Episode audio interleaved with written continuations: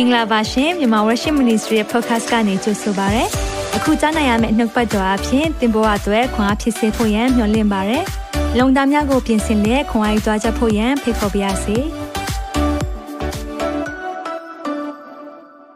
ဒီ season က soap method ဆိုတာ SOAP soap method နဲ့နှုတ်ကပတ်တော်လေ့လာတဲ့နည်းဖြစ်တယ်ဆိုတော့အဲ့ဒီနည်းလေးကိုကျွန်တော်တို့တချို့တွေ အာလွတ်သွားတဲ့လူတွေရှိခဲ့တော့ကျွန်တော်ပြန်ပြီးတော့နှွေးပေးခြင်းတယ်เนาะဆိုတော့ soap method ဆိုတာဘာလဲဆိုရင်တော့ scripture S ကဘာကိုပြောလဲဆိုတော့ကျမ်းစာပေါ့ကိုဖတ်မဲ့ကျမ်းစာဆိုတော့အခန်းကြီးတစ်ခန်းဒါမှမဟုတ်ရင်ကျမ်းစုတစ်စုပေါ့နော်အဲ့ဒါလေးကိုရွေးလို့ရတယ်တခုကိုရွေးမယ်ရွေးပြီးပြီဆိုရင်ဖတ်လိုက်တဲ့အခါမှာဒီတိုင်းပဲဖတ်လိုက်တာမဟုတ်ဘဲねဒုတိယအဆင့် observation O အဆင့်ပေါ့နော်လေ့လာအကဲခတ်ခြင်းနဲ့သွားဖို့လိုတယ်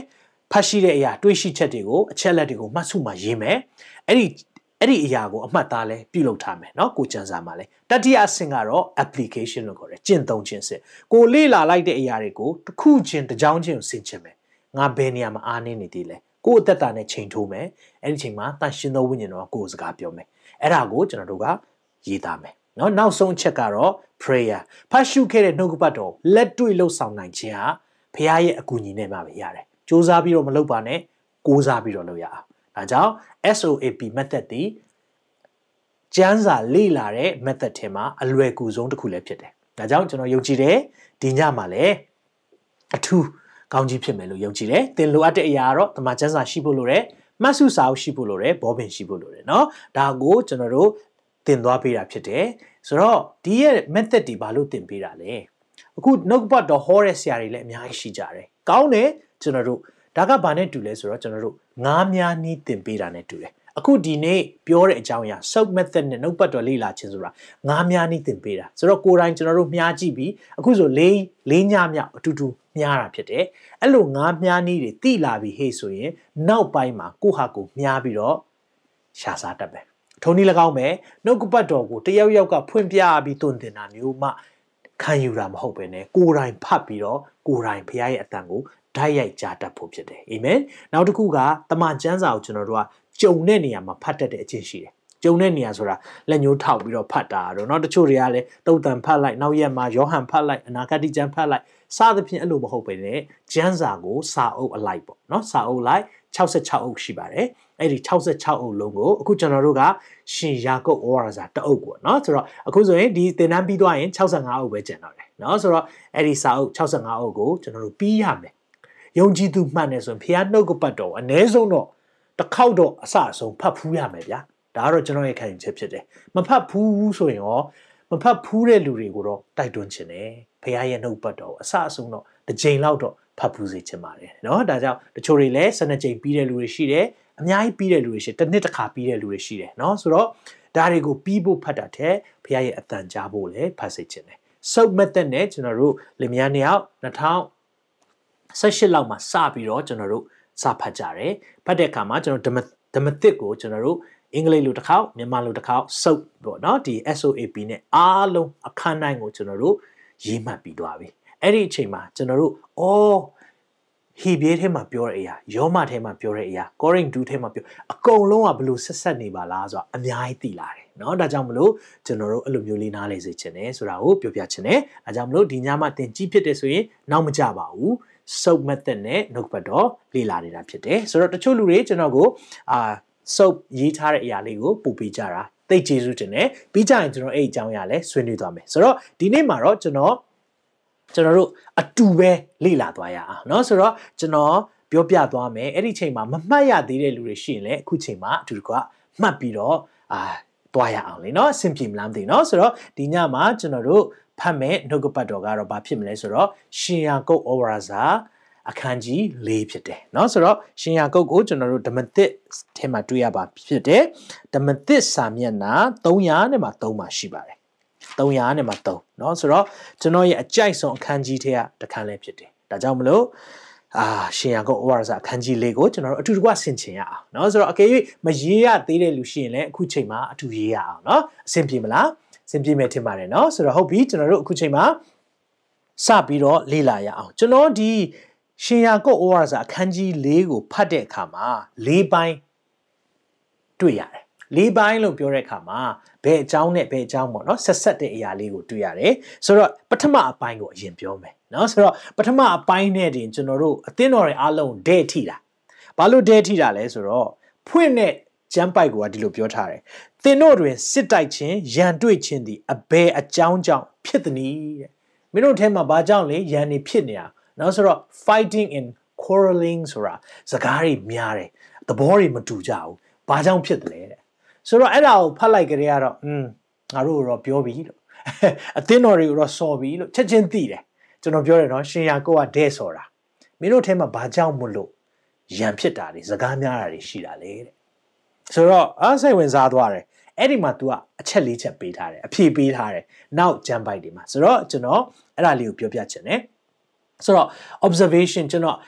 အပိုက်ငယ်1ကနေ3ထဲမှာအချက်လေးချက်ကိုတွေ့ရတယ်။ဘာတွေ့ရလဲဆိုတော့အချင်းများရန်ဖြစ်ခြင်းရဲ့အကြောင်းရင်းတွေသွားတွေ့ရတယ်။အသင်းတော်ထဲမှာနော်ဒီဟာကဘာကိုပြောတာလဲဆိုတော့အသင်းတော်ထဲမှာဖြစ်နေတဲ့ကိစ္စတွေပြောတာ။သင်အသင်းတော်ထဲမှာလည်းရှိလိမ့်မယ်။ကျွန်တော်တို့အသင်းတော်ထဲမှာလည်းရှိတယ်။ဒီຢာတွေတွေ့တဲ့အခါမှာ ဘာတွေ့ရလဲဆိုတော့နံပါတ်1အချက်ကပါလဲဆိုတော့ကိလေသာကာမစိတ်တွေများတာတဲ့ comes from evil desire within us ဆိုတာအထဲကစိတ်တွေကိုဟာကျွန်တော်တို့ကအချင်းများတဲ့အဓိကစိတ်တွေကိုဟာအထဲကနေ evil desire ဆိုတာလေဖျားအလိုတော်မဟုတ်ဘဲနဲ့လောကီဆန်တဲ့အရာကိလေသာဆန်တဲ့အရာเนาะ evil desire ဆိုတာနတ်နတ်ဆိုးဆန်တဲ့အရာမာနဆန်တဲ့အတွေးခေါ်တွေအထဲကနေလာလို့ရံဖြစ်တာတဲ့ကျွန်တော်ပြောတာမဟုတ်ပါဘူး ဘသူကပြောလဲဆိုတော့ရှင်ယာကောကပြောတာသင်တို့အင်္ဂါများ၌စစ်ပြိုင်သောကိလေသာကာမစိတ်ကြောင့်ဖြစ်ကြသည်မဟုတ်လောတဲ့။ဩအဲ့ဒီမှာတစ်ချက်ပြောတယ်။နောက်နှစ်ချက်နှစ်ကဘာပြောဆိုတတ်မှတ်တဲ့အရာတွေကိုမရလို့ we want what we don't have အဲ့မှာ तू ပြောတယ်ဆက်ပြီးတော့သင်တို့တွေတတ်မှတ်၍မရကြတဲ့။ကိုလိုချင်တဲ့ဟာတွေရှိတယ်နော်။အော်သူများတွေဝယ်ပြီး hate ဆိုရင် like ဝယ်ချင်တယ်။သူများအိမ်မှာတွေ့ပြီး hate ဆို like တွေ့ချင်တယ်။ဒါပေမဲ့ကို့မှာတကယ်လို့လား။နော်ကျွန်တော်တို့ အိမ်ပစ္စည်းတွေပေါ့နော်အခုချိန်မှာဘာဘာပြောကြလဲဆိုတော့အိမ်ဒီမှာတဲ့ပစ္စည်းတော်တော်များများတကယ်တော့လိုအပ်တာနဲ့ဝယ်ထားတာမဟုတ်ပဲနဲ့လိုချင်လို့ဝယ်ထားတာဖြစ်တယ်တဲ့ဆိုတော့ပစ္စည်းတော်တော်များများကျွန်တော်တို့တကယ်လိုအပ်တာမဟုတ်ဘူးလိုချင်တာဆိုတော့အကျွန်တော်လည်းအဲ့ဒါ guilty ဖြစ်တယ်မကြာခဏကျွန်တော်ပစ္စည်းဝယ်တဲ့အခါမှာလိုအပ်တာမဟုတ်ပဲလိုချင်တာဖြစ်နေတတ်တယ်ဆိုတော့အခုနောက်ပိုင်းမှာတော်တော်ဆင်ခြင်ဖြစ်သွားတယ်အာမနေ့တနေ့ကပဲကျွန်တော်ခရီးယန် စာအုပ်ဆိုင်သွားတယ်ဆိုတော့ကျွန်တော်အိမ်သားမှာရှိတော့ခရန်းကိုသွားတဲ့အခါမှာအိတ်သွားပြီဆိုစာအုပ်အမြဲဝယ်ခြင်းစိတ်ကအဲ့လိုစာအုပ်အမြဲဝယ်ပြီးရင်ပြန်လာရင်လင်းကားအုပ်ပါလာတယ်တကယ်တမ်းဖတ်ပြစ်တာအဲ့ထဲမှာနှစ်အုပ်လောက်တော့ဖတ်ပြစ်တယ်ဆိုတော့ကျွန်တော်စာဖတ်တာဝါနာပါတယ်သို့တော့အဲ့ဒီထဲမှာ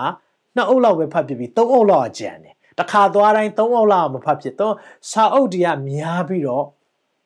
တကယ်တမ်းကျတော့တကယ်မဖတ်ဖြစ်ဘူး တစ်ခေါက်ဆိုဘာဖြစ်လဲဆိုတော့ဝယ်ပြီးသားစာအုပ်ကိုထပ်ဝယ်လာသေးတယ်ကြည့်အောင်နော်ဝယ်ပြီးသားစာအုပ်နော်အိမ်မှာရှိရနော်အဲ့ဒါကိုနောက်တစ်ခေါက်သွားတဲ့ခါမှာထပ်ဝယ်လာဘာကိုပြလဲဆိုတော့မဖတ်ထားတာလေဆိုတော့ဖြစ်တဲ့ခါမှာဆင်ချင်မိတယ်ဟာငါတို့ကဘာကြောင့်ရံဖြစ်ကြလဲဆိုခုနပြောတဲ့အဲ့ဒီမှာကိုယ်တတ်မှတ်တဲ့အရာမရတဲ့အရာတွေရကျင်တဲ့ခါမှာအဲ့လိုဖြစ်တော့အခုကျွန်တော်နဲ့အမျိုးသမီးနဲ့စီကံထုတ်ထားတယ်ခရီးယန်စာအုပ်ဆိုင်သွားပြီဆိုရင်တအုပ်ဖတ်ပြီး ပြီးသွားမှပဲနောက်တော့ဝယ်ခြင်းဆိုပြီးတော့လှုပ်ထားတယ်ဆိုတော့ထပ်ဝယ်ခြင်းလည်းဆိုရင်အရင်ဝယ်ခဲ့တဲ့စာအုပ်တွေပြီးအောင်ဖတ်ပြီးမှဝယ်နော်အဲ့လိုမျိုးပေါ့နော်ဆိုတော့တခါလေဖះရတယ်ဒီစာအုပ်ဖတ်ပါဒီစာအုပ်ဖတ်ပါတဲ့ပြောတဲ့အချိန်ရှိတယ်အဲ့ဒီအချိန်ကလွဲလို့တော့ခုခရိယန်စာအုပ်ဆိုင်သွားရင်တော့တိတ်မွယ်ဖြစ်တော့ပြောချင်တာပါလေလိုအပ်တာနဲ့လိုချင်တာမတူဘူးဆိုတာပြောပြချင်တယ်နော်ဆိုတော့နောက်နံပါတ်3ချက်ကဘာတွေ့ရလဲဆိုတော့အလွန်လိုချင်တဲ့လောဘစိတ်ဟောလောဘကြီးတာလေခုနကျွန်တော်ပြောတဲ့အရာလေး ရှိနေတာပဲထပ်လိုချင်တယ်ပြီးတော့ကို့မှာရှိနေတာလေးတွေသုံးလားဆိုမသုံးထလိုချင်ပြန်ရောအဲ့ဒီလောဘစိတ်တွေရှိတဲ့အရာကတဲ့အချင်းများရန်ဖြစ်စေတာတဲ့เนาะဆိုတော့အဲ့ဒါတွေတွေ့ရတယ်ဆိုတော့အဲ့ဒီမှာအနောက်အကြောင်းရင်းတစ်ခုကိုလည်းဘာပြန်သွားတွေ့ရလဲဆိုတော့စုမတောင်းပဲနေကြ၏တဲ့ we don't have because we don't we don't ask ဆိုတော့ကျွန်တော်တို့ကခုနပြောတဲ့တတ်မဲ့လို့ချင်စိတ်တွေအများကြီးရှိတယ် ကိလေသာစိတ်တွေနဲ့လိုချင်တာတွေများတဲ့အခါမှာဘာကြောင့်ကျွန်တော်တို့ကစိတ်အလိုမပြည့်လဲဆိုတော့စုမတောင်းလို့ဩစုမတောင်းခြင်းကအကြောင်းရင်းဖြစ်နေတာဒါကြောင့်မလို့ကျွန်တော်တို့ကစုတောင်းခြင်းဟာသိအရေးကြီးတယ်ဆိုတာကိုကျွန်တော်အဲ့ဒီမှာအပိုင်ငယ်1နဲ့3မှာတွေ့ရတယ်เนาะအဆင်ပြေမလားဆိုတော့ဒါကျွန်တော်ရဲ့တွေးရှိချက်ဖြစ်တယ်မိတ်ဆွေရဲ့တွေးရှိချက်တွေလည်းတူပါလိမ့်မယ်เนาะဆိုတော့အဲ့ဒီမှာစုတောင်းတဲ့အခါမှာလည်းကာမဂုဏ်ခံစားဖို့အလွဲတောင်းလို့မရဘူးတဲ့ဆိုတော့သဘောကပါလဲဆိုတော့ ကိုကအာဖျားစီမှာတောင်းတဲ့အရာတော်တော်များများကိုယ့်ရဲ့အကျိုးအတွက်ပဲတောင်းတာများတယ်ကာမဂုဏ်ခံစားဖို့ဆိုတာအာကိုယ်အဆင်ပြေဖို့မိသားစုပို့ပြီးတော့သူများထက်တာဖို့ပေါ့နော်သူများအိမ်မရှိသေးဘူးကိုအိမ်ရှိနိုင်ဖို့သူများကားမဝယ်နိုင်သေးဘူးကိုကားဝယ်နိုင်ဖို့သူများအဲ့လိုမျိုးကျွန်တော်တို့ကတောင်းတဲ့အခါမှာအဲ့စုတောင်းချက်တွေမရဘူးတဲ့နော်ဆိုတော့ရှင်ယာကုတ်ကတော့ကျွန်တော်တို့တဲ့ပဲပြောတယ်နော်ဆိုတော့အဲ့ဒါလေးကိုကျွန်တော်တွေ့ရတယ်ဒါကြောင့်ဟုတ်ပြီဆိုတော့နောက်အပိုင်းတစ်ပိုင်းကဘာလဲဆိုရင်အဲ့ဒီအပိုင်းလေးကကျွန်တော်တို့ ဝိညာဉ်နော်ဆိုတော့ဝိညာဉ်တော်အကြောင်းပြောတော့ကလည်းဒီအရာလေးကိုတွေ့ရတယ်ခဏလောက်ကြည့်အောင်နော်ဟုတ်ပြီဆိုတော့အငယ်၄ကနေ10မှာကျွန်တော်ဘာသွားတွေ့ရလဲဆိုတော့တန်ရှင်သောဝိညာဉ်တော်ရဲ့သဘောထားများနော်တန်ရှင်သောဝိညာဉ်တော်ရဲ့သဘောထားတွေကိုကျွန်တော်တွေ့ရတယ်အဲ့ဒါလေးကကျွန်တော်အတွက်တော့ဒီယာကုပ်လေးထဲမှာဒီရဲ့အပိုင်းကသိအရေးကြီးတယ်သိအရေးကြီးတယ်ဆိုတော့ခဏလောက်ကြည့်ရအောင်နော်ဆိုတော့တန်ရှင်သောဝိညာဉ်တော်ရဲ့သဘောထားများကဘာတွေ့ရလဲဆိုတော့နံပါတ်1 လော်ကီနဲ့မိသားရဖွဲ့ခြင်းကိုမုန်းတယ်လော်ကီနဲ့မိသားရဖွဲ့တာကိုအယံမုန်းတယ်နဲ့ဘယ်မှာပြောထားလဲနှုတ်ပတ်တော်မှာကြည့်အောင်နော်ဆိုတော့အာခေပြေစံစာရှိတယ်ဆိုရင်ကျွန်တော်ချက်ကြည့်ရအောင်နော်အငယ်လေးမှာဘယ်လိုပြောလဲဆိုတော့မတရားသောမိထုံ၌မိဝဲသောယောက်ျားမိန်းမတို့လောကီမိသားရသည်ဖျားသခင်နှင့်ဆန့်ကျင်ဘက်ဖြစ်သည်ကိုမသိကြသလောဤလောကနှင့်မိသားရဖွဲ့လူသောသူသည်ဖျားသခင်ဤရန်သူဖြစ်၏တဲ့ကြည်အောင်တော့တဲ့ပြောပြီဒီမှာကျွန်တော်တို့ကိုပြောပြီ မတရားတဲ့မိထုံ၌မိဝဲတဲ့ယောက်ျားမိန်းမတို့ဆိုတော့အာအင်္ဂလိပ်ကျမ်းစာမှာအာ idolatra ဆိုတော့ဖောက်ပြန်တဲ့လူတွေလို့ပြောတာဆိုတော့ဖောက်ပြန်တယ်ဆိုတာဘာလဲဆိုတော့ပြောမယ်ဆိုရင်အိမ်ထောင်တစ်ခုနဲ့ကျွန်တော်ဥပမာပေးမယ်ကျွန်တော်ကဖောက်ပြန်တော်သူဖြစ်တယ်ဆိုတာဘာကိုပြောတာလဲဆိုတော့ကျွန်တော်မှာဇနီးတဲ့ရှိရတာနဲ့ကိုဇနီးတဲ့မဟုတ်တဲ့သူနဲ့ ဖြစ်နေတာကိုပြောတာเนาะဖောက်ပြန်နေဆိုတော့ကျွန်တော်အားလုံးသိတယ်ဟာဒီတယောက်ဖောက်ပြန်နေပြီနှောက်မီးလင်းနေပြီเนาะစသဖြင့်အငယ်ရှိနေပြီစသဖြင့်အဲ့လိုမျိုးတွေစမောဆွဲတယ်စသဖြင့်ကျွန်တော်အရက်စကားမှာအဲ့လိုမျိုးတွေကြားတဲ့အခါမှာဘာကိုပြောတာလဲဖောက်ပြန်တာဆိုတော့တရားဝင်တယောက်ရှိတယ်တရားမဝင်နေဆိုတော့ကျွန်တော်ကဒီမှာလက်ဆွတ်ဆွတ်ထားတယ်เนาะဆိုတော့လက်ဆွတ်ဆွတ်ထားတဲ့အကြောင်းရင်းကပါလဲကျွန်တော်မှာတရားဝင်ဇနီးဇနီးတယ်ရှိတယ် เนาะဆိုတော့ကျွန်တော်မှာ legally married ထားတဲ့သူရှိတယ်ဒါပေမဲ့ကျွန်တော်စိတ်ကဖောက်ပြန်လို့ရတယ်เนาะပြီးရင်ကျွန်တော်က तू မသိတဲ့အချိန်မှာလည်းဖောက်ပြန်လို့ရတယ်ရတယ်ဆိုတာလုံလို့ရတာကိုပြောတာမဟုတ်ပဲねသဘောကိုပြောပြတာအဲ့လိုလုပ်တဲ့အခါမှာဘာဖြစ်သွားလဲဆိုတော့ကျွန်တော်ကဖောက်ပြန်တော်သူလို့ဖြစ်သွားတယ်ဆိုတော့ဖခင်ကကျွန်တော်တို့ကိုဖောက်ပြန်တော်သူလို့ဘာလို့ခေါ်လဲလို့ပြောတဲ့အခါမှာသူနဲ့ကျွန်တော်တို့ကလက်ထပ်ထားတာလေဟုတ်တယ်နော် ကျွန်တော်တို့ကို तू ကဝယ်ထားတာကျွန်တော်တို့ကိုကျွန်တော်တို့မပိုင်တော့ကျန်းစာကျွန်တော်တို့ကိုသူ့ရဲ့တကယ့်ကိုကာရင်တောင်ကုန်းမှာအသွေးနဲ့အသက်ပေးပြီးကိုဝယ်ထားတာဝယ်ထားပြီးသားဖြစ်တဲ့အတွက်သင်သင်ကိုသင်မပိုင်ဆိုတော့ကျွန်တော်အရင်တုန်းကတော့နော်အရင်တုန်းကတော့အမျိုးမျိုးရှိခဲ့မယ်ဆိုပါစို့နော်သမီးစားတွေအများကြီးရှိခဲ့မယ်ဆိုပါစို့ဒါပေမဲ့တရက်မှာကျွန်တော်က ဒီလက်ဆွတ်ဆွတ်တဲ့နေ့မှာတနည်းအားဖြင့်ကျွန်တော်ရဲ့ wedding day မှာကျွန်တော်ကဆမမစီခင်မို့ I do เนาะဆရာရှိရနေသူ့ကိုတေးတပန်တက်တဆုံးပေါင်းသင်းပါမလားလို့ပြောတဲ့အခါမှာ I do လို့ပြောတဲ့ချိန်မှာသူ့ကိုကျွန်တော် I do လို့ပြောတဲ့နေ့ကလေကောင်မလေးတခြားဘယ်နှယောက်ပဲရှိရှိဘလောက်ပဲလှလှသူတို့အားလုံးကိုကျွန်တော်က I don't လို့ပြောလိုက်တာ ဒီမှာတယောက်ကို yes လုပ်လိုက်တဲ့နေ့မှာကြံတဲ့သူအားလုံးကို no လုပ်လိုက်ရတယ်ဟုတ်တယ်နော်ဒါဒီဘာသဘောလဲဆိုတော့ marriage ရဲ့သဘောတဘာဝဒီမှာလဲ yes လုပ်ပြီးဟိုမှာတွေလဲ yes လိုက်လို့လို့မရဘူးเนาะအဲ့ဒါဆိုရင်လက်ထပ်ခြင်းမဟုတ်တော့ဒါဆိုရင်ဥပမာပါလဲအကယ်၍ကျွန်တော်တို့ကဒီမှာ yes လုပ်ထားပြီးတော့တခြားမှာ yes လုပ်ရင်ဖောက်ပြန်တာထုံးနည်း၎င်းမယ်ဖျားနဲ့ကျွန်တော်တို့က yes လုပ်လိုက်တဲ့နေ့ရှိတယ်ဘယ်နေ့လဲသင်ကယ်တင်ခြင်းရတဲ့ရက်အဲ့ဒီမှာအပြစ်အားလုံးကိုဝင်ချတောင်းပါပြီကိုတော့ကျွန်တော်လက်ခံပေးပါဖျားအဲ့ချိန်မှာသတို့သမီးဖြစ်လက်ခံတယ်အဲ့လိုသတို့သမီးဖြစ်လက်ခံရင်လည်းလောကီမိသားရဖွဲ့တယ်ဖျားနဲ့မိသားရမဖွဲ့တော့ကျန်းစာမဖတ်တော့စုမတောင်းတော့အတင်းတော့မသွားတော့အဲ့လိုမလုပ်ဘဲနဲ့ကိုယ့်ရဲ့သဘောအတိုင်းကိုယ့်ဆန္ဒအတိုင်းအသက်ရှင်နေရလောကီတွေအာသူတို့တွေလိုလုပ်နေတာပဲရုပ်ရှင်ကြည့်နေတာပဲသူတို့ကသွားနေတာပဲပျော်ပွားတွေလုပ်နေတာပဲတောက်နေတာပဲစားနေတာပဲ လှုပ်တဲ့အရာမှန်သမျှသည်ဖောက်ပြန်ခြင်းဖြစ်တယ်။နားလည်နိုင်မလားမသိဘူးနော်။ဒါကြောင့်မလို့ကျွန်တော်တို့ကအဲ့လိုဖောက်ပြန်တော်သူမဖြစ်ဖို့အရန်ရေးကြည့်တယ်။ဒါကြောင့်ဒီမှာကျမ်းစာမှာလူပြောတာမတရားသောမိထုံ၌မိဝဲသောယောက်ျားမိန်းမတို့လောကီမိသဟာယသည်ဖျားသခင်နဲ့ဆန့်ကျင်ဘက်ဆန့်ကျင်ဘက်ဖြစ်တယ်လို့ပထမတစ်ခေါက်ပြောတယ်။ဒုတိယမှာလောကီမိသဟာယဖွဲ့တာဖျားသခင်ရဲ့ယံသူစကားအရန်ကြီးတယ်နော်စကားသုံးလိုက်တဲ့ဟာတွေ။ဘာကြောင့်လဲ။ तू ကျွန်တော်တို့ကိုလေအဲ့ဒီမှာ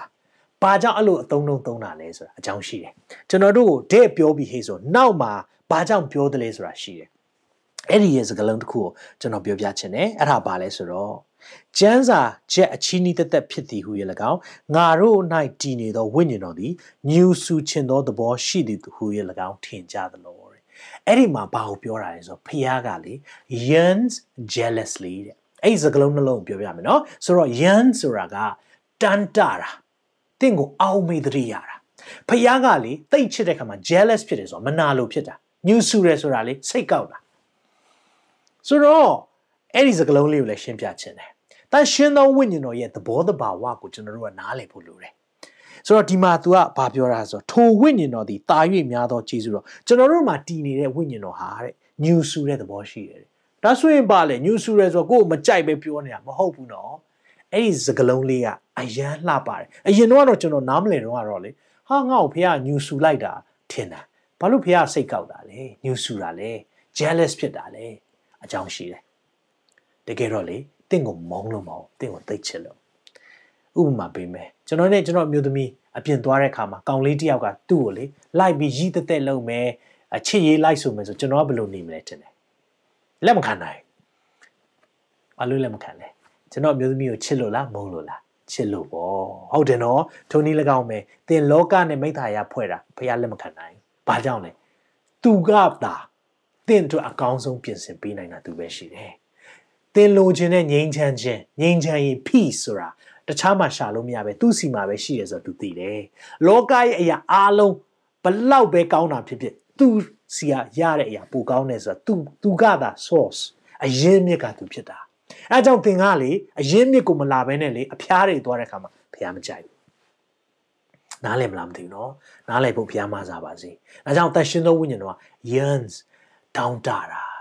မြန်မာကျမ်းစာမှာတော့အဲ့ဒီအသိပဲမျိုးသိမသက်ရဘူးအင်္ဂလိပ်ကျမ်းစာမှာ yearns jealously yearning ဖြစ်တယ်ဆိုတာကျွန်တော်တို့ကအယံတောင်းတပြီးစာငတ်တာဖခင်ရဲ့နှလုံးသားအဲ့မှာတွေ့ရတယ်အယံချစ်တာ သူကတင့်ကိုအယံချစ်တဲ့ခါမှာလောကီနဲ့မိသားရဖွဲ့ရန်သူလို့သဘောထားတယ်အဲ့လိုရန်သူလို့သဘောထားလို့တင့်ကိုစိတ်ဆိုးသောတာထွက်တာထက်ချစ်လွန်းလို့မနာလို့ဖြစ်နေတာတင်းမနာလို့ခံရတယ်ဆိုတာလေတခြားကြောင့်မဟုတ်ဘူးတင့်ကိုမချစ်ရင်ဒီတိုင်းပဲလွတ်ထားလိုက်မှာဟုတ်ကိစ္စမရှိဘူးလေငါစီမလာချင်လည်းနေပေါ့ငါအကောင်းဆုံးပြင်ဆင်ပေးနိုင်တာဒါပေမဲ့ငါနားမနေဘူးသွားပါစေအဲ့ဒါမနာလို့မဖြစ်ဘူးဆိုရင်တော့ကိုယ်ပြက်ချင်ပြီဆိုတာနားလည်လိုက်ပါဒါပေမဲ့ဖះကလေမနာလို့ဖြစ်တယ်မနေနိုင်ဘူး ဘာကြောင့်လဲတိတ်ချစ်တာတင့်ကိုတိတ်ချစ်တဲ့မေတ္တာကိုလေဒီထဲမှာတွေ့ရတယ်။ကြောင့်ကျွန်တန်ရှင်သောဝိညာဉ်တော်ညူဆူတဲ့သဘောဆိုတာစိတ်ကောက်တယ်ဆိုတာအမျိုးသားတွေထက်အမျိုးသမီးမှာပိုတွေ့ရတယ်။ဟုတ်တယ်နော်။ဒါလေးကိုလည်းပြောပြချင်တယ်။ဖရားရဲ့သဘောတဘာဝထဲမှာတန်ရှင်သောဝိညာဉ်တော်ကဘယ်သူနဲ့တူလဲဆိုတော့မသဘောတဘာဝနဲ့တူတယ်။တနည်းအားဖြင့်မိခင်ရဲ့သဘောတဘာဝနဲ့အရန်တူတယ်။နော်လို့ပြောလို့ဖရားကိုမိမလို့ကျွန်တော်မပြောဘူးနော်။ တန်ရှင်သောဝိညာဉ်တော်ဟာမိန်းမဖြစ်တယ်လို့ဒေးဗစ်ကင်မလုံးဝမပြောပါဘူးဒါပေမဲ့ဖခင်ဟာမသဘောတဘာဝရှိတယ်အထူးသဖြင့်တန်ရှင်သောဝိညာဉ်တော်နုံညံ့သိမ်မွေးတယ်စကားကြမ်းကြမ်းပြောရင်ယောက်ျားတွေကတိတ်တောင်မှမခံစားရအောင်မိန်းကလေးတွေအဲ့ဒါကြီးကိုခံစားနေတာဘာကြောင့်လဲနူးညံ့တိမ်မွေးခြင်းငယ်တော့ကျွန်တော်ချော်လဲတဲ့ခါမှာလေအဖေစီမသွားဘူးအမေစီတန်းပြေးတယ်ဒူးနာပြီးဒူးပြဲသွားရင်အဖေစီသွားရင်လေဟမ်တေချာမကြည့်ဘူးလားဆိုအဆူခံရတယ်အမေစီသွားရင်တော့လာလာလာသားလေးရေ နှစ်သိမ့်တော်သူဟုတ်တယ်နော်အိမ်မှာဘသူကနှစ်သိမ့်တော်သူလဲအဖေလားမေလားအမေပြောချင်တဲ့သဘောဟာတန်ရှင်းသောဝိညာဉ်တော် comforter နှစ်သိမ့်သူလို့ကျွန်တော်ဘာကြောင့်ပြောလဲမိခင်သဘောတဘာဝရှိတယ်။အဲကြောင့်အဲ့ဒီမှာလဲဘာပြန်တွေ့ရလဲဆိုတော့ဖះဟာလွမ်းဆွတောင်းတရဟာညူဆူတဲ့သဘောရှိရဆိုတာတင့်ကိုသိချင်လို့ဖြစ်တယ်။နော်တဲ့ဒီအချက်ကိုတွေ့ရတယ်။ဒါမဲ့မာနကြီးတဲ့လူသိမ့်မုံတယ် เนาะဒီနေ့အဲ့မာနအကြောင်းနည်းနည်းပြောရအောင်เนาะဆိုတော့လူဆိုတာပါလေမာနနဲ့ပါဟုတ်လားလူဆိုတာမာနနဲ့ပါကျွန်တော်အမြင်တော့လေမာနအထဲမှာလေအကြောက်စရာအကောင်းဆုံးမာနတစ်ခုရှိတယ်ကြောက်ဖို့အကောင်းဆုံးမာနဝိညာဉ်မာနအဲ့ဒီဝိညာဉ်မာနကလေကြောက်ဖို့အကောင်းဆုံးပဲဒီနေ့ ကျွန်တော်တို့ယုံကြည်သူတွေဆရာသမားတွေပဲဖြစ်ဖြစ်အမှုတော်ဆောင်တွေဘယ်သူပဲဖြစ်ဖြစ်အဲ့ဒီဝိညာဉ်မာနတက်လာပြီဟေ့ဆိုရင်လေဖျားပဲပြင်ပေးလို့ရတယ် ဖျားအသုံးပြုလာပြီဟေ့နိုင်ငံတကာသွားလာပြီဟေ့လူသိများလာပြီဟေ့ဆိုရင်အဲ့ဒီဝိညာဉ်မာနကကျွန်တော်တို့ကထောင်တက်တယ်ဒီအရာတွေအားလုံးကဖျားရဲ့ဘုံပဲเนาะဖျားဘုံကိုဘယ်သူနဲ့မှမပေးဘူးလို့ပြောထားတယ်ဟေရှားထဲမှာငါဘုံကိုရုပ်တုစင်တုအားလည်းမပေးတယ် I never share my glory with anyone ဖျားသူ့ဘုံကိုမ share ဘူးအဲ့လိုဖြစ်တဲ့အခါမှာကျွန်တော်နားလည်ဖို့ကဖျားဘုံကိုခိုးမိတဲ့သူတွေဖြစ်တတ်တယ် ဘသူခိုးဘူးလဲသိလားကျွန်တော်ပြပြမယ်တခါလေကျွန်တော်တို့ကလေနတ်ဆိုးဝင်တယ်စာတန်နောက်ရှက်တယ်လို့ပြောတိုင်းကျွန်တော်တို့ကဗာမြင်တတ်လဲဆိုတော့အပြင်ကလာတဲ့အရာပဲမြင်တတ်တယ်နော်ဥပမာအေးမင်းထဲမှာစာတန်ဝင်နေထင်တယ်ဆိုချို့လူတွေရမ်းစိတ်ဆိုးတယ်ဒါမဲ့ကျွန်တော်ဒီအရာကိုလေ theology ကျမ်းစာအရာပြောပြချင်တယ်ဖျားမျက်မှောက်တော်ထဲမှာစုံနေတယ်နော်အဲ့ဒီအချိန်မှာစာတန်လည်းမရှိသေးဘူးအဲ့ဒီအချိန်မှာ အယမ်းကိုလှပပြီးတော့ဖျားခွဲခတ်မှတ်သားထားတဲ့ Lucifer ဆိုတဲ့ကောင်းကင်တမန်ရှိတယ်စာတန်မရှိသေးဘူးနော်ဖျားရဲ့လှပခြင်းကြီးမြတ်ခြင်းတွေသူတို့မြင်ရတယ်အဲ့ခါမှာတန့်ရှင်းတန့်ရှင်းတန့်ရှင်းနော်ဟေရှား6ထဲမှာရှိတယ်အဲ့ဒီအရာလေးတွေကိုသူတို့ကပြောနေရင်တန်လန်းတယ်ဘာဖြစ်သွားလဲလူစီဖာဘာဖြစ်သွားလဲအဲ့ဒီမှာအထဲကနေလာတာတွေ့လားတခါလေကျွန်တော်တို့ကထင်တတ်တယ်ဝိညာဉ်ဇိုးဝင်တယ်တို့ နတ်ဆိုးနှောက်ရှက်တယ်လို့ပြောရင်လေအပြင်ကနေပဲလာနှောက်ရှက်တာရှိပါတယ်ပြင်ကအခုတော့အပြင်ကနေလည်းနှောက်ရှက်တယ်ဒါပေမဲ့အဲ့ဒီအချိန်မှာတကယ်တော့ဘယ်ကလာလဲဆိုတော့အထဲကလာတာလူကလေခုနမနာလိုဖြစ်ခြင်းနေမာနကြီးခြင်းနေတကယ်တော့စัจ java ထဲမှာပထမဦးဆုံးအဖြစ်ကမာနစကားနားမထောင်ခြင်းမဟုတ်သေးအာဒံအေဝကစကားနားမထောင်ခြင်းအဖြစ်လေဒါပေမဲ့အဲ့မတိုင်ခင်မှာစာတန်ရှိနေပြီဆိုတော့စာတန်ကဘာကြောင့်ကြဆင်လဲကြီးလိုက်တဲ့အခါမှာ ငါဖျားခဲ့သူနေမယ်အမြင့်ဆုံးသောဖျားခဲ့သူငါနေမည်ဟုစိတ်အကြံရှိတယ်ဟေရှာယ16 sorry 14เนาะပြီးရင်ယေဇကျေလ28ထဲမှာဟေရှာယ14နဲ့ယေဇကျေလ28မှာကြည့်တဲ့အခါမှာစာတန်ကဘလို့ကြဆင်သွားလဲဆိုတာဖော်ပြထားတယ်တိတ်လှပတာเนาะကျွန်တော်အဲ့ဒီအကြောင်းတွေကိုအမြဲတမ်းတရားဟောလို့ရှိတယ်ဆိုတော့တကူလုံးမှာလှပဆိုဖျားထားတယ်အထဲမှာဆို musical instrument ၃မျိုးရှိတယ်ဂျိုတတူရီယာပတ်တာတူရီယာနဲ့ အာလေမုတ်တူရီယာအကုန်ရှိတာသူတယောက်ထင်းနဲ့ choir ဆိုလို့ရတယ် music တွေအများကြီးတွေ့လှပပြီးဖျားချီးမြှောက်ထားတာနော်ဖျားဖန်ဆင်းတဲ့ထဲမှာအလှပဆုံးသောအရာလို့တောင်တင်စားတယ်ဒါမဲ့ဘာဖြစ်သွားလဲသူ့ရဲ့လှပတယ် because of your beauty သူ့ရဲ့လှပတဲ့အရာနဲ့ဖျားကိုချီးမွမ်းရင်းနဲ့သူ့ဖျားပေးထားတဲ့ gift တွေရှိရသားနဲ့အဲဆိုစာတန်းဘယ်ရရဲ့ဘယ်ရလားအပြင်ရလားအထဲရလားအထဲက ဒီနေ့ကျွန်တော်နှလုံးသားအဲ့ဒါဒါအရေးကြီးတာလူတွေမှာအဲ့ဒီအထဲနှလုံးသားအရင်အရေးကြီးတာတခါလေကြာရင်ကျွန်တော်တို့ကအဲ့ဒီတကားတွေကိုဖွင့်ဖွင့်ပေးလိုက်တယ်အဲ့နှလုံးသားတကားတွေဖွင့်လိုက်တဲ့နောက်ပိုင်းမှာစာတန်အရင်လှုပ်လှုပ်လို့ရတယ်အဲကြောင့်မလို့မာနဘယ်လိုပြောထားလဲကျမ်းစာထဲမှာဒီလိုပြောတယ်ထိုဝိညာဉ်တော်သည်တာ၍များသောဂျေဇုကိုပြုတော်မူ၏ထိုသောနှင့်အညီအငယ်6မှာဖြစ်တယ်ကျမ်းစာလာသည်ကထောင်လွှားစော်ကားသောသူတို့ကိုဖျားသခင်စီးတားတော်မူ၏ ထောင်လွှားတဲ့သူဖျားစီးတားတယ်စိတ်နှိမ်ချသောသူတို့အားလည်းဂျေဇုပြုတော်မူ၏ဟုလာတယ်အာမင်မိတ်ဆွေဒါနားလည်စေခြင်းတယ်စိတ်နှိမ်ချခြင်းနဲ့နော်ဂျေဇုပြုတယ် humble ဖြစ်တဲ့နှလုံးသားတွေဖះအရန်ကြိုက်တယ်ရေလိုပဲဗျာရေကမြင့်ရာကနှိမ်ရာစီးတယ်မလားဘိတ်သိက်ချင်းလဲလေနှိမ်ချတဲ့သူပေါ်မှာအမြဲစီးစင်းလေးရှိတယ်ဘိတ်သိက်ချင်းကတောင်ပေါ်တွေမှာမစီးစင်းဘူးအဲကြောင့်တချို့ဆရာကြီးတွေဘိတ်သိက်အရန်ကြီးပြီးတော့ ကုံထွက်သွားတာဘာကြောင့်လဲတက်လာတယ်မာနတွေတက်လာတဲ့အခါမှာကိုယ့်ရဲ့အသက်တာမှာဘိတ်သိက်ချင်းစီးစင်းလို့မရတော့အဲ့လိုပြောတဲ့အခါမှာကျွန်တော်တို့ကအမြဲတမ်းနှိမ်ချဖို့လိုတယ်အငယ်ခုနှစ်အဲ့ဒါနဲ့ဆက်ဆက်သွားတဲ့အရာတခုပါပြောလဲဆိုတော့ထို့ကြောင့်ဘုရားသခင်အလိုတော်ကိုလိုက်ကြလောဘုရားအလိုတော်လိုက်တဲ့မာနကိုစီတာကြလောတွေ့လားဆိုတော့အဲ့ဒီမာနနဲ့ဆက်ဆက်နေလေရှိတယ် pride နဲ့ခုနမာနနဲ့မာနကအမြဲဆက်ဆက်တယ်နော်ကျမ်းစာထဲမှာကြီးလိုက်တဲ့အခါမှာ ထောင်လွှားစော်ကားခြင်းနဲ့မာနတနည်းအားဖြင့်မာနနဲ့မာနကအမြဲတွဲတယ်အဲကြောင့်မာနကြီးပြီဟေးဆိုရင်လေမာနအလုံးလုံးဖို့တကားပေါက်ပဲအမြဲဝင်လာတတ်တယ်အမြဲနောက်ဆက်တတ်တယ်အမှုတော်ဆောင်တွေရောကြီးတတ်လားကြီးတတ်တယ်ပိုတော်ကြီးတတ်တယ်ခုနပြောတဲ့ဝိညာဉ်မာနလေအဲဝိညာဉ်ငါဆုတောင်းတတ်တယ်ငါရဲ့ဆုဂျေဇုကထက်မြက်တယ်ငါကဟောနိုင်တယ်ငါကပြောနိုင်တယ်ငါကသွန်သင်နိုင်တယ်ငါကလှုပ်တတ်တယ် ဒီအရာတွေငါငါငါများလာတော့နောက်ဆုံးကြတော့ဘယ်သူနဲ့ပဲသွားတူလဲဆိုတော့လူစီဖာပဲပြန်ဖြစ်နေကိုကဒါကြောင့်ကျွန်တော်သတိထားဖို့ဖြစ်တယ်ဖခင်ကချီးမြှောက်ထားတယ်ဆိုရင်အဲ့ဒီချီးမြှောက်ခြင်းအောက်မှာကြာစင်တာမာနကြောင့်မာနမာနကြောင့်ဆိုရင်မာနဝင်ဖို့လိုတယ်လွယ်သွားတယ်ဒါကြောင့်ကျမ်းစာရှင်းရှင်းလေးပြောထားတယ်မာနကိုစီးသားကြလောသို့ပြုလေသင်တို့ထံကထွက်ပြေးမယ်တွေ့လားစီးတားဖို့လိုတယ်သူ့ကိုအခွင့်မပေးဖို့လိုတယ်နော်အဲ့ဒီမှာပြောတယ်အဲ့ဒီမှာကျွန်တော်အကြိုက်ဆုံး one of my favorite ဂျမ်ဘိုက်ကတော့ဖခင်ရဲ့ဂတိထဲမှာဖခင်ဂတိတော်တွေအများကြီးရှိတယ်အဲ့ဒီထဲမှာသိတဲ့ဘောကြတာဒီယာကုပ်လေးငယ်ရှိဖြစ်တယ်ဖတ်ကြည့်အောင်ဘုရားသခင်၌ချင်းကပ်ကြလောသို့ပြုလင်သင်တို့၌ချင်းကပ်တော်မူလိမ့်မည်ဘုရားသခင်၌ချင်းကပ်ကြလောသို့ပြုလင်သင်တို့၌ချင်းကပ်တော်မူလိမ့်မည်နှစ်ပိုင်းရှိတယ်ဘုရားသခင်၌ချင်းကပ်ကြလောသို့ပြုလင်ဆိုတာဒီလိုလုပ်တယ်ဆိုရင်သင်တို့၌ချင်းကပ်မယ်တွေ့လား ဒါဆိုရင်ဘယ်သူအရင်စရလဲကျွန်တော်တို့အရင်စရတယ်ဖျားထန်နိုင်ချင်းကတ်တယ်ဆိုတာလေလောကီနဲ့မိသားရဖွဲ့တယ်ရုပ်ရှင်ကြည့်နေတယ်ဒါပေမဲ့ဖျားနာချင်းကတ်မယ်ဆိုရင်ရုပ်ရှင်ကြည့်ရင်လည်းဆုတောင်းလို့ရလားဖေးရမလဲရုပ်ရှင်ကြည့်ရင်လည်းကျမ်းစာဖတ်လို့ရလားပေးရမလဲဒီအရာတွေကိုခဏထားခဲ့ရတယ်ဟုတ်တယ်နော်ခဏတာတွေကိုဖယ်ထားပြီးမှကိုရောကိုရောအချိန်ပါဒီနေ့ကျွန်တော်တို့2020ထဲမှာကျွန်တော်တို့ အာအသင်းတော်အနေနဲ့ရောကျွန်တော်ဇင်းကြီးမောင်နဲ့လှုပ်ဖြစ်တာရဲ့တခုရှိတယ်အဲ့ဒါဘာလဲဆိုတော့2020 prayer မိသားစုတွေကိုလှုပ်စေချင်တယ်2020 prayer ဆိုဘာလဲဆိုတော့20ဆိုတာကည8နာရီကိုပြောတာเนาะ20ည8နာရီရောက်တိုင်းမိနစ်20ဆူတောင်းခြင်းဆိုတော့ကျွန်တော်တို့အာနိုင်ငံတကာအတွက်ဆူတောင်းတယ်မှုတော်ဆောင်တွေအတွက်ဆူတောင်းတယ်အဲ့ဒီအချိန်မှာအထူးသဖြင့်ကျွန်တော်တို့ဝိညာဉ်တဲကဆူတောင်းခြင်းပေါ့နော် praying in the spirit ကိုအရန်လုပ်တယ် 2020 prayer ဆိုတာအဲ့ဒါလေးလုပ်စေချင်တယ်အဲ့ဆိုကျွန်တော်တို့ကညတိုင်း9:59မှာ alarm ပေးထားတယ် alarm မီလာပြီဟဲ့ဆိုရင်လုံနေတာအကုန်ရက်နော်အဲ့ဒါလေးသိကောင်းတယ်ခုနကခုနကတော့ကျွန်တော်တို့ထမင်းစားပြီးတော့ခဏနားနေကြတယ်ကျွန်တော်လည်း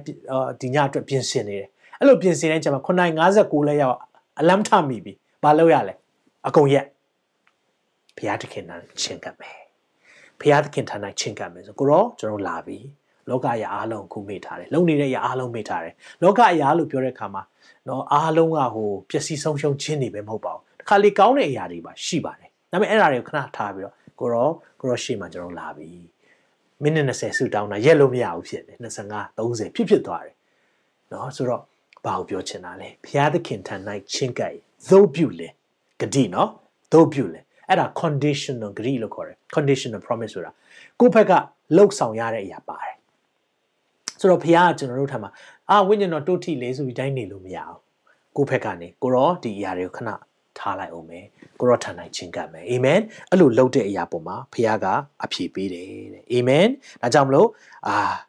အောက်မှာဆက်ဖတ်တဲ့အခါမှာဗာပြောလဲဆိုတော့တို့ပြုလင်သင်တို့၌ချင်းကပ်မယ်ပြီးရင်ထပ်ပြောပြန်ရောအပြစ်ရှိသောသူတို့သင်တို့လက်ကိုစင်ကြယ်စေကြလောစိတ်နှခွရှိသောသူတို့သင်တို့စိတ်နှလုံးကိုတန်ရှင်းစေကြလောတွေ့လား အဲ့ဒီနှလုံးသားနဲ့လေလှုပ်လှုပ်ဆောင်ချက်ပေါ့လက်ကိုစင်ကြယ်ချင်းလို့ပြောတဲ့အခါမှာကိုယ့်ရဲ့လှုပ်ဆောင်ချက်ကိုပြောတာကိုလှုပ်တဲ့အရာတွေစင်ကြယ်ဖို့ပြောတာလက်ကိုဆေးခိုင်းတာမဟုတ်အခုလက်ဆေးရင်လည်းသိကောင်းပါတယ်လက်ဆေးဖို့လည်းမကြာခဏပြောရယ်နော်စက္ကန့်20ဆေးရမယ်နော်ကျွန်တော်တို့လက်လက်ဆေးနီးတော်တော်ကျွမ်းကျင်သွားတယ်နော်ဆိုတော့အမျိုးမျိုးပေါ့နော်လှုပ်ကြတယ်အဲ့လိုလက်ဆေးတာကိုပဲပြောတာမဟုတ်ဘူးကိုယ့်ရဲ့လှုပ်ဆောင်ချက်ကိုယ့်ရဲ့လှုပ်တဲ့အရာတွေစင်ကြယ်ဖို့ပြောတာပြီးရင်နှလုံးသားဆိုတာ ဒီနှစ်ခုကအမြဲဆက်ဆက်တယ်အဓိကကတော့ပြဿနာအဲ့အထဲရပဲအဲ့နှလုံးသားမမှန်တဲ့ခါမှာလောက်ရက်လည်းမမှန်တော့အမြင်လည်းမမှန်တော့အကြောင်းကြည်ရတာဆက်ကြည့်အောင်အငယ်ကိုမှာဆင်းရဲညွညင်ခြင်းစိတ်မသာညှိတွားခြင်းငိုကြွေးမိတမ်းခြင်းရှိကြလောသင်တို့ရဲခြင်းကိုစိတ်မသာညှိတွားခြင်းဖြစ်စေကြလောဝမ်းမြောက်ခြင်းကိုလည်းဝမ်းနည်းခြင်းဖြစ်စေကြလောဘာကိုပြောရလဲတခါလေလောကအရာမှာကျွန်တော်ရမ်းဝမ်းမြောက်တတ်တယ်အေးဟလာကိုအသင်ကိုသွင်းသွားရမ်းပျော်တယ် yes ကယ်တော့အဲ့ဒီအားလုံးကခြံထားခဲ့ရမယ့်အရာတွေပဲเนาะကျွန်တော်တို့ entertainment နဲ့အချိန်ကုန်နေတဲ့အချိန်မဟုတ်တော့ဘူးဒီချိန်ကအရန်ကိုဆင်ချရမယ့်အချိန်ဖြစ်တယ်နောက်ဆုံးသောကာလထဲမှာတကယ်ရိတ်သိမ်းပွဲကြီးလာတော့မယ်အဲ့ဒီထဲမှာသင်ကရိတ်သိမ်းတဲ့သူအဖြစ်ပါဖို့ရန်အတွက်ကျွန်တော်တို့မျှော်လင့်တယ်အာမင်ဒါကိုကျွန်တော်တွေ့ရတယ်ဒါကြောင့်အပိုင်းအာကျွန်တော်ပြောတယ်၄ပိုင်းမှာကျွန်တော်တို့နှစ်ပိုင်းပြီးသွားပြီเนาะငွေ30အထိကဲအဲ့ဒီမှာနောက်တစ်ပိုင်းမှာဘာပြောလဲဆိုတော့ အငယ်7နဲ့7မှာဘာပြောလဲဆိုတော့သူတစ်ပါးအားစီရင်ခြင်းအကြောင်းပြောတယ်သူတစ်ပါးအားစီရင်ခြင်းတဲ့စဉ်းစားလိုက်တိုင်းကျွန်တော်တို့လည်းမလွတ်ဘူးเนาะ စီရင်နေတာပြောနေတယ်သူများကိုဒီလိုလုပ်ရင်ကောင်းမှာကိုကကို့အမြင်နဲ့ပဲဆုံးဖြတ်သေးတာလေသူတို့ဘာဖြစ်နေလဲဘာလုပ်နေလဲမသိဘူးတခါကျွန်တော်အာဒီနိုးထမှုအစီအစဉ်လောက်တာပေါ့နော်မဲလ်ဘန်မှာအာအတင်းတော်တကူကကျွန်တော်ခေါ်တော့နိုးထမှုအစီအစဉ်လောက်တော့ကျွန်တော်လည်းအကြီးကျယ်ကို ရှေ့ရနေကျွန်တော်ကလည်းနိုးထမှုအစီအစဉ်လောက်တိုင်းကိုယ်တိုင်တချင်းဥဆောင်တတ်တယ်တခါလေးအဲ့လိုမျိုးတွေလုပ်ပြီးတော့ကျန်းစာတွေသင်နော်ဆိုတော့နှုတ်ပတ်တော်တွေလေ့လာအဲ့ဒီအချိန်မှာကျွန်တော်အကြီးအကျယ်ကခုံချီးမွမ်းတော့အတင်းတော်တစ်ခုလုံးကပဲကခုံနေကြတယ်ချီးမွမ်းနေကြတယ်အဲ့ဒီအချိန်မှာဘာဖြစ်လဲဆိုတော့လူကြီးတယောက်ကနောက်ဆုံးမှထိုင်ပြီးတော့သူလုံးဝလည်းမထအောင်ဟာနဲ့ဟာကျွန်တော်လည်းအကြီးကျယ်မိုက်နဲ့ခေါ်တာပေါ့နော်ကဲအားလုံးဖះဖះရဲ့နော် ဝိညာဉ်တော်တန်ရှင်သောဝိညာဉ်တော်အလုံးလုံးနေတယ်ကျွန်တော်တို့မျက်မှောက်တို့ထဲမှာတူကလွတ်လပ်စွာနဲ့ကိုးကွယ်ရအောင်လာရအောင်ချီးမွမ်းရအောင်ဝမ်းမြောက်စွာနဲ့ကိုးကွယ်ရအောင်ကဲ musician တွေလည်းတီးမယ်ကမယ်ခုံမယ်လူငယ်တွေလည်းကမယ်ခုံမယ်အကြီးကျယ်ကျွန်တော်တို့လည်းလောက်ကြတာပေါ့အဲ့တော့လုံးဝမထလာအောင်မထလာတော့စိတ်ထဲမှာဟာဒီလူဘာဖြစ်တာလဲဘာလဲဟာဒီလူကဒီလောက်ကြီးကျယ်ကျွန်တော်စင်ပွားနေမိုက်နဲ့ပြောနေတာတော့ကဲတယောက်မကြံဆိုလဲ तू မထလာအောင်ဟာဟာနဲ့စိတ်ထဲမှာနည်းနည်းတော့ မပြောဘူးပေါ့နော်စိတ်တွေနည်းနည်းလေးတော့ feeling လေးဖြစ်သွားတယ်ငါမအေးပါအဲသူသူသူလက်မခံတာလည်းဖြစ်ကောင်းဖြစ်မှာပေါ့ကိစ္စမရှိဘူးပေါ့နော်ဆိုတော့အစီအစဉ်ပြီးသွားရစီစဉ်လည်းပြီးရောသူကအစီအစဉ်ပြီးမှသူကလည်းကျွန်တော်စီလာတယ်အဲ့ဒီမှာသူလမ်းလျှောက်ရတာတိတ်အဆင်မပြေဘူးမြေပဲနဲ့သူလာပြီးကျွန်တော်လာနှုတ်ဆက်တယ်ဆရာဒီနေ့အရန်ချီးမွမ်းချင်တယ်ဒါပေမဲ့ကျွန်တော်လက်ကောင်းခွဲထားတော့လေလုံးဝမကနိုင်ဘူးနားလဲပေးပါတော့ဟာ အဲ့ချိန်ကျတော့ဟာမှားပြီငါလူတွေကိုတွေ့တဲ့အမြင်ကကို့အမြင်မှားတဲ့အခါမှာအပြောကမှားသွားပြီဆိုတော့ချက်ချင်းအဲ့ဒီမှာနောင်တရပြီအေးရပါတယ်သူ့ကိုတော့ကျွန်တော်ရပါတယ်ပြောတစ်ချက်ချင်းပါပဲကိုတော့ sorry ပါကျွန်တော် judge လုပ်မိသွားတယ်စီရင်မိသွားတယ်သူတို့ရဲ့ story တွေကိုမသိဘဲနဲ့ပြောလိုက်မိတာဒါကြောင့်မလို့ဒီမှာပါပြောထားတယ်ဆိုတော့အငယ်7မှာကြည့်ရအောင်နော် အာညီကိုတို့အချင်းချင်းတယောက်ကိုတယောက်ကဲ့ရဲ့ခြင်းကိုမပြုကြနဲ့ညီကိုချင်းကိုကဲ့ရဲ့၍သူ၌အပြစ်ရှိသည်ဟုစီရင်တော်သူသည်တရားကိုကဲ့ရဲ့၏တဲ့တရား၌အပြစ်ရှိသည်ဟုစီရင်၏တဲ့တွေ့လားဆိုတော့အဲ့ဒီတရားကိုသွားစီရင်တာဖြစ်နေတယ်တဲ့နော်ဆိုတော့ထိုးပြုလေတင်ဒီတရားကိုကျင့်တော်သူမဟုတ်တရားကိုစစ်ကြောစီရင်တော်သူဖြစ်၏ပြည့်ညက်တရားကိုပိုင်ထားတော်သူအဲ့ဒါဘာတူလဲဖះပေါ့စီ စစ်ကြောစီရင်ပိုင်တော်သူတစ်ပါးတည်းရှိတော်မူ၏ဘသူ့ကိုပြောတာဖះကိုပြောတာထိုသူဒီကယ်တင်ခြင်းက၎င်းဖြက်စီးခြင်းက၎င်းတတ်နိုင်တော်မူ၏ကယ်လို့လည်းရတယ်ဖြက်လို့လည်းရတယ်သူတစ်ပါးကိုစစ်ကြောစီရင်တော်သူကတင်ဒီကအဘယ်သူနည်းပြောချင်တာတင်ကဘာမလို့လဲဘာမလို့စီရင်ချင်တာလဲတော့ကျွန်တော်ယုံကြည်သူတွေဒီအချက်ကိုဆင်ခြင်ရအောင်ကျွန်တော်တို့တွေအခြေအနေမသိရင်ဘာမှမပြောတာပိုကောင်းတယ်အခုနကကျွန်တော်ဥမာပြလိုက်သလိုပေါ့ ကိုကသူ့ရဲ့အခြေအနေမသိတဲ့အခါမှာသူ့မှာနာကျင်မှုတွေနဲ့ဒီရဲ့နှုံးထခြင်းအစီအစဉ်တောင်သူကစိတ်အရန်ရှိလို့ရောက်လာတာဒါပေမဲ့ကိုကတော့မကခုံမချီးမွမ်းဆိုပြီးမကျေနပ်ဖြစ်နေတာအဲ့လိုဖြစ်တဲ့အခါမှာကိုကကိုရှက်မိတာပေါ့အော်ငါငါတော်တော်ပြင်ဖို့လိုပါလားဝိညာဉ်တော်အဲ့လိုမျိုးမှာစကားအရန်ပြောတယ်ကိုကိုပြုပြင်သွားတယ်ဒါကြောင့်ဒီလိုနှုတ်ပတ်တော်တွေဖတ်တဲ့အခါမှာအများကြီးပြုပြင်ဖို့အကြောင်းတွေဖြစ်လာတယ်အာမင်ဒါတတိယပိုင်းဖြစ်တယ်ဒါကြောင့်ကျွန်တော်အဲ့မှာကြည့်တဲ့အခါမှာ အာခဏလေးအာမှားသွားတယ်အောက်ဘီအမှာသူတစ်ပါးကိုစီရင်ခြင်းနော်စီရင်ခြင်းဟာဖျားနဲ့ပဲသက်ဆိုင်တယ်ဒါလေးကိုနားလည်စေခြင်းတယ်စီရင်ခြင်းဟာဖျားနဲ့ပဲဆိုင်တယ်ဖျားတရားတော်ဖျားဖြစ်တယ်လို့သိယုံနေဆိုရင်စိတ်မပူနဲ့စီရင်ခြင်းကိုဖျားလောက်သွားလိမ့်မယ်တင့်အလောက်ကမေတ္တာပြဖို့အာမင်ပြန်ပြောမယ်နော်ဖျားအလောက်ကစီရင်ဖို့တင့်အလောက်ကမေတ္တာပြဖို့ပြန်ပြောမယ်နော်ဖျားအလောက်ကစီရင်ဖို့တင့်အလောက်ကမေတ္တာပြဖို့ဒါပဲကျွန်တော်တို့လုပ်ရအောင်အာမင် ကဲနောက်ဆုံးအပိုင်းလေးကဘာတွေ့လဲဆိုတော့အဲ့ဒီနောက်ပတ်တော်ထဲမှာအဲ့ဒီအောက်ပိုင်းမှာ73ကနေ79ကဘာအပိုင်းကိုပြောတာလဲဆိုရင်လူဘဝကခဏတာပဲဖြစ်တယ်ဒါကြောင့်မလို့ငါဘာလုပ်မယ်ငါဘာလေးတွေလုပ်အောင်မှာ plan နေချတာမကောင်းမို့ကောင်းတယ်ဒါပေမဲ့ကျွန်တော်တို့ plan ချတာဟာဖခင်ရဲ့အလိုတော်နဲ့ညီဖို့လိုတယ်ဆိုတာကိုရှင်ရကိုကပြောပြထားတယ်အဲ့ဒါလေးကိုကျွန်တော်တို့တွေ့ရတယ်เนาะဒါကြောင့်မလို့ထောင်လွှားခြင်းဆိုတဲ့အပိုင်းလေးကိုကျွန်တော်တွေ့ရတယ် ဆိုတော့ခဏတာအသက်ရှင်ပြီးကွယ်ပြောင်းမဲ့အရာဖြစ်တယ်တဲ့အဲ့ဒီမှာသူပြောပြထားတဲ့ဥပမာလေးရှိတယ်73ကိုကျွန်တော်ဖတ်မယ်နော်ယနေ့နက်ပြန်ဤမီသောပြည်သို့သွားကြကုန်အပ်ထိုမျိုး၌တစ်နှစ်ပတ်လုံးနေ၍ကုံသွဲသဖြင့်အမျက်ရအောင်ပြုကြကုန်အပ်ဟုဆိုတတ်တော်သူတို့နားထောင်ကြတော့တဲ့ကဲပြောချင်တာကဲငါအလုပ်သွားလုပ်မယ်အိမ်မျိုးမှာတစ်နှစ်လောက်တော့နေမယ်ဘာလုပ်မယ်အဲ့လိုပြောတဲ့လူဆိုရင်တဲ့နားထောင်ပါအောင်တဲ့ဒါဆိုရင်ကျွန်တော်နဲ့ကျွန်တော်တို့ပြောနေတာနော်။ နှက်ဖြစ်နေနိုင်အဘယ်သို့ဖြစ်သည်ကိုသင်တို့မသိကြတဲ့။နှက်ဖြစ်ဘာဖြစ်မလဲမသိဘူး။သင်တို့အသက်တာသည်အဘယ်သို့သောအရာဖြစ်သည်နည်း။အဲ့ဒီအကြောင်းလေးကျွန်တော်သိကြိုက်တယ်15ရဲ့အရှိလေးမှာ14 14ရဲ့နောက်ဆုံးလေးခဏထင်ရှားပြီးမှ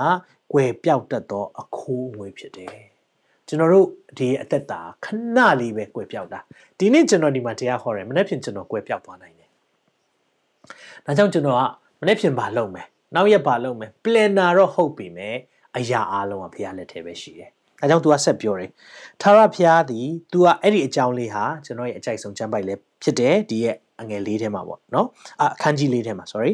ဆိုတော့ထာဝရဘုရားသည်အလိုတော်ရှိ၍သင်တို့သည်လည်းအသက်ရှင်လင်ဤသို့ပြုကြကုန်အံ့ထိုသို့ပြုကြကုန်အံ့ဟုသင်တို့ဆိုသင့်ရာဖြစ်၏အဲ့ဒီမှာပြောလာက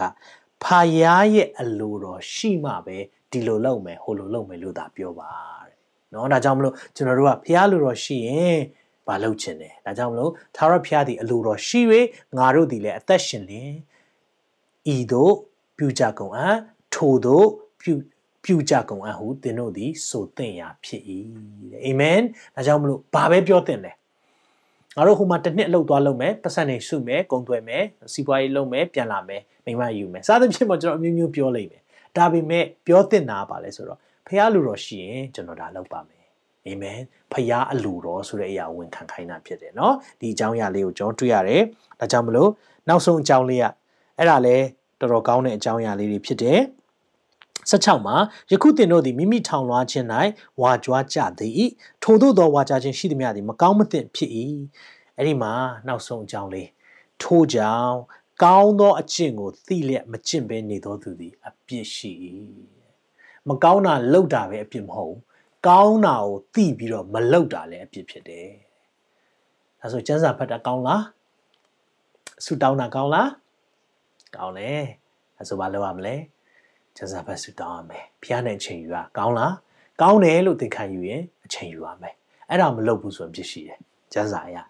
အဲကြောင့်ရှင်ယာကုတ်ကျွန်တော်သဘောကျတာကျွန်တော်တို့တဲ့ပြောတဲ့အရာလေးတွေရှိတယ်တဲ့ပြောတော့တဲ့ထိတယ်တခါရင်မခံနိုင်ဘူးဒီလိုကြမ်းပိုက်တွေဆိုတော့ကျွန်တော်သိမကြိုက်ကြအောင်သိမဖတ်ကြအောင်ဒါပေမဲ့ဒီကြမ်းပိုက်တွေကကျွန်တော်တို့ရဲ့အထဲအထိစကားပြောတဲ့အရာတွေဖြစ်တယ်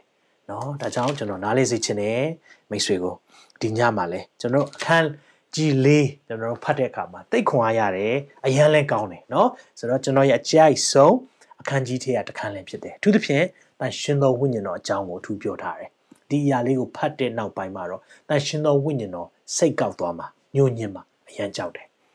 အဲကြောင့်လောကကြီးနဲ့မိသားရဖွဲ့မဲ့အရာတွေရှောင်ရအောင်ဒီအရာကိုကျွန်တော်2015ခုနှစ်မှာစလုပ်တာဖြစ်တယ်ဆိုတော့2015ခုနှစ်မှာတန်ရှင်သောဝိညာဉ်တော်ကိုကျွန်တော်ပုံကိုအနေနဲ့သိတယ်သိပြီးတဲ့နောက်ပိုင်းမှာဝိညာဉ်တော်မကြိုက်တဲ့အရာကျွန်တော်စကားပြောတာအများကြီးပြောင်းသွားတယ်အရင်တော့ဆိုရင်နည်းနည်းစကားပြောတဲ့အရာမှာအများကြီး ဟိုဘယ်လိုပြောမလဲနားခံနိုင်ဖို့ခက်တဲ့စကားတွေအရင်ပြောတယ်အခုလည်းတစ်ခါလေးထွက်လာခြင်းတယ်ဖះအမြဲသွန်သင်တယ်အဲဆိုတော့ကျွန်တော်အမျိုးသမီးပေါ်မှာစကားကြမ်းသွားရင်တော့ဖះမကြိုက်အဲ့ဒီအချိန်မှာဖះပြန်တောင်းပန်ခိုင်းတဲ့အချိန်ရှိတယ်ဆိုတော့ပြောချင်တာပါလေဝိညာဉ်တော်နဲ့ပတ်သက်ပြီးတော့လေကျွန်တော်တို့အခန်းကြီးလေးထဲမှာနားလည်ခွင့်ရတယ်နောက်ပြီးရင်ကျွန်တော်ကြားထဲမှာအသင်းတော်တွေမှာဘာကြောင့်မလို့ရန်နေဖြစ်ကြတာလဲဆိုရင်လည်းအဖြေရှိတယ်။ဒါကြောင့်ကျွန်တော်တို့ကတကယ်တော့မာနကြီးကြတာရယ် ပြီးရင်ထောင်လွှားစော်ကားတာရယ်ဒါတွေကြောင့်အသင်းတော်ထဲမှာပြဿနာဖြစ်တယ်။ဒါကြောင့်မလို့အဲ့လိုမာနကြီးတဲ့လူကဝိညာဉ်တော်မကြိုက်ဘူးဆိုတာအဲ့ဒါကိုကျွန်တော်တို့နားလည်ရတယ်။အာမင်။ဒါကြောင့်မလို့ဖခင်ရဲ့ရှိတော်မှာနှိမ်ချသလိုအချင်းချင်းတယောက်နဲ့တယောက်ဖေးမဖို့နက်ဖြန်ဆိုတာဘာမှမသိတဲ့အတွက်အချိန်ရှိတိုင်းဖရာအတွက်သာအသက်ရှင်ဖို့လိုတယ်အာမင် very good point เนาะဒီနေ့မနေ့ပြန်ဘာဖြစ်မလဲမသိဘူးဒါကြောင့်ကျွန်တော်တရားဟောရင်ဒီလိုဟောတယ် ဒီတရားဟောချက်ဒီကျွန်တော်ရဲ့နောက်ဆုံးတရားဟောချက်ဖြစ်နိုင်တယ်ဒီတရားဟောချက်မလို့ဆိုကျွန်တော်မနေ့ပြန်ဘာဖြစ်မလဲမသိဒီညကျွန်တော်အသက်ထွက်သွားနိုင်တယ်ဒါကြောင့်မလို့ကျွန်တော်ဒီနေ့ဟောတဲ့အရာဒီကျွန်တော်ရဲ့အကောင်းဆုံးတရားဟောချက်ဖြစ်ဖို့ကျွန်တော်ကြိုးစားတယ်အဲ့ဒီစိတ်နဲ့ကျွန်တော်အသက်ရှင်တယ်ဆိုတော့တချင်းဆိုရင်လည်းဒါငါရဲ့နောက်ဆုံးတချင်းဆိုခြင်းဖြစ်နိုင်တယ်ငါချီးမွမ်းခြင်းဒါနောက်ဆုံးချီးမွမ်းခြင်းဖြစ်နိုင်တယ်လောကကြီးမှာပေါ့နော်လောကမှာအသက်ရှင်တဲ့အခါမှာဒါနောက်ဆုံးဖြစ်နိုင်တယ်လို့ခံယူရင်လေ ဘယ်တော့မှပေါ့ပေါ့ပြစ်ပြစ်အသက်မရှင်တော့ပေါ့ပေါ့ပြစ်ပြစ်စကားမပြောတော့လေးနဲ့တယ်ကိုယ်အသက်ရှင်ခြင်းကအမြဲတမ်းလေးလေးနက်နက်အသက်ရှင်သွားလိမ့်မယ်အာမင်ဒါကြောင့်ဒီအရာလေးကိုနားလဲစေချင်တယ်ဒါဘယ်ရရလာလဲကျန်းစာဖတ်ခြင်းစုပ် method နဲ့သွားတဲ့အခါမှာငါငါ့ကိုဘာစကားပြောလဲကြည့်အောင်တော့အဲ့ဒီ application ကျင့်သုံးခြင်းနံပါတ်3အဆင့်ဒီအရန်အရေးကြီးတယ် ကျွန်တော်တို့တွေ့တာပဲလေဒါတွေတွေ့တဲ့အခါမှာခဏလေးတော့စဉ်းစားမိတယ်။အော်အေးဟုတ်တာပေါ့နော်မစီရင်အောင်အဲ့ဒါနဲ့ပြီးသွားတာမဟုတ်ပဲねလက်ရေးနဲ့ချရေးတဲ့ခါကျတော့ငါမှဒါလိုတယ်ငါမှဒါလိုတယ်ဆိုဘုရားပြုပြင်သွားတယ်။အသက်တာကိုပြုပြင်သွားတယ်။ဒါကြောင့်ကိုယ်တိုင်ကိုကိုကိုစမ်းစာစမ်းစာကိုမှတ်ခြင်းအရင်ရေးကြည့်ပါတယ်မိတ်ဆွေကျွန်တော်ခဏခဏပြောမယ်နော်ဒီအကြောင်းတော့ဘာကြောင့်လဲဆိုတော့ဒီ method ကျွန်တော်သင်ပေးတဲ့ method ကအကောင်းဆုံးဖြစ်တယ်လို့ပြောတာမဟုတ်ဘူး။လွယ်ဆုံးဖြစ်တယ်။ တစ်ချိန်တည်းမှာပဲသင်ရဲ့ရေးမှတ်ခြင်းကအဲ့ဒါကထိတာ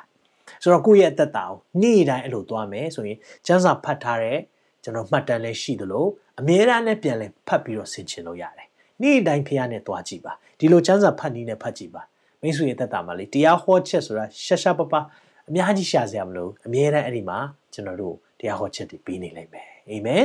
ယေရှုတင်တယ်ဆိုတော့ဒီနေ့ကျွန်တော်ရထားတဲ့ comment online မှာလည်းဗာတွေ့ရလဲ အဲဟုတ်ပြီဆရာအစမှပြောသွားတဲ့ရှင်ယာကုတ်အကြောင်းမှာခရစ်တော်နဲ့ညီကိုတော်တယ်မာရိရဲ့သားဆိုတာနားမရှင်းလို့ပါ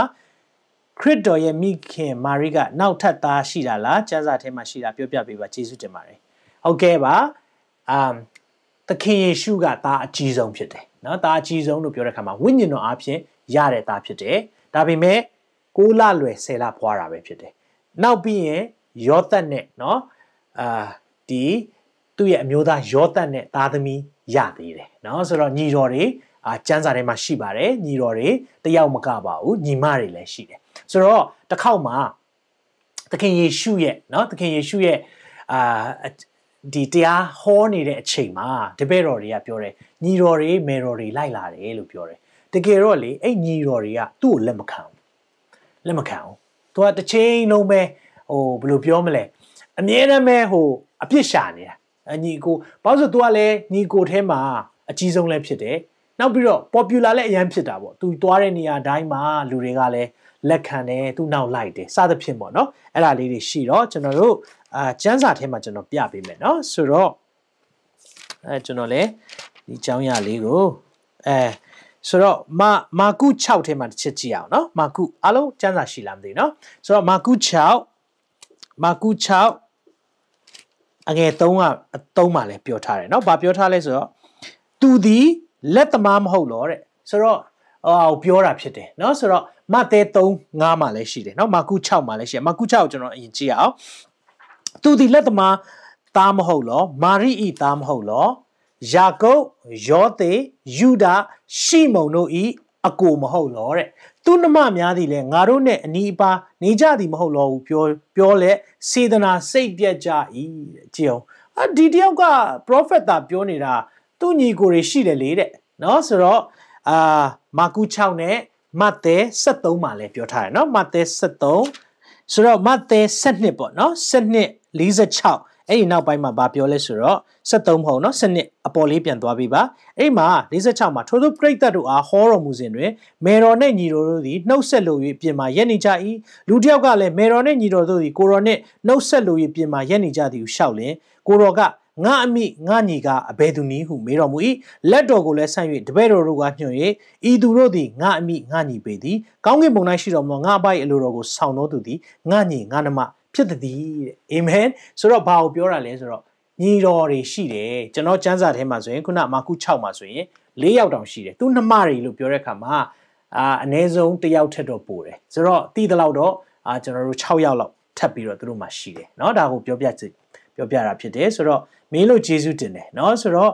အာယာကုပ်က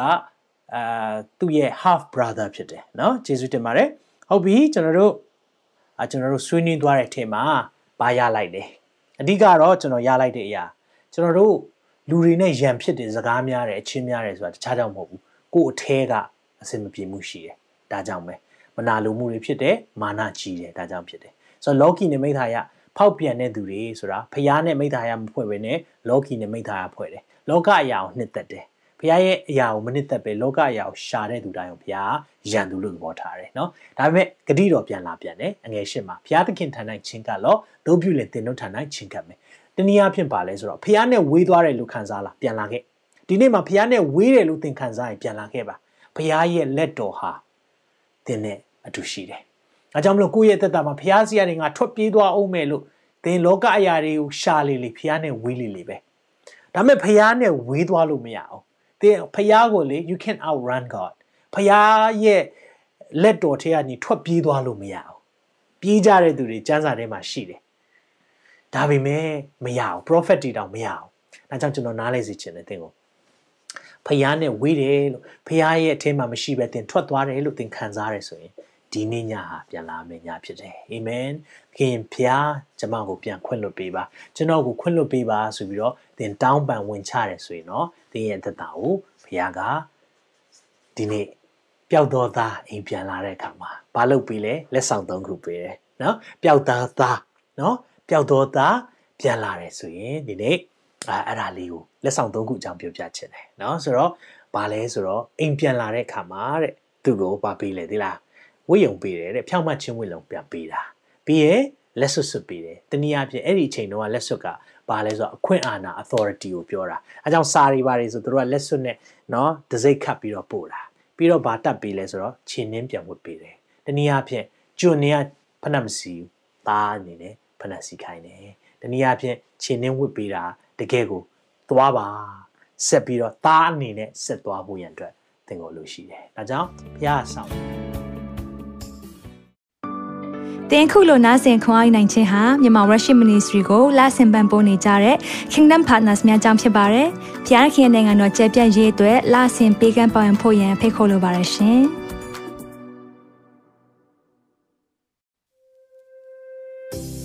အခုကြားနာခဲ့ရတဲ့နှုတ်ပတ်တော်အဖြစ်ခွန်အားရရှိမယ်လို့ယုံကြည်မျှော်လင့်ပါတယ်။ခွန်အားရဆိုလို့ရှိရင်ဒီတစ်ပတ်နဲ့ပြန်လည်ဝင်မြပေးဖို့ရန်တောင်းဆိုပါရစေ။ မြန်မာ Worship Ministry ရဲ့ website myanmarworship.com ကိုလည်းလာရောက်လေ့လာဖို့ရန်အတွက်ဖိတ်ခေါ်ချင်ပါတယ်။တချိန်ထဲမှာမြန်မာ Worship Ministry ရဲ့ social media platform များဖြစ်တဲ့မြန်မာ Worship YouTube Channel, မြန်မာ Worship Facebook Page နဲ့မြန်မာ Worship Instagram များကိုလည်းလာရောက်လေ့လာဖို့ရန်အတွက်ဖိတ်ခေါ်ချင်ပါတယ်။နောက်တစ်ချိန်မှာပြန်လည်ဆုံတွေ့ကြပါစို့။ဖျားရှင်ကောင်းကြီးပေးပါစေ။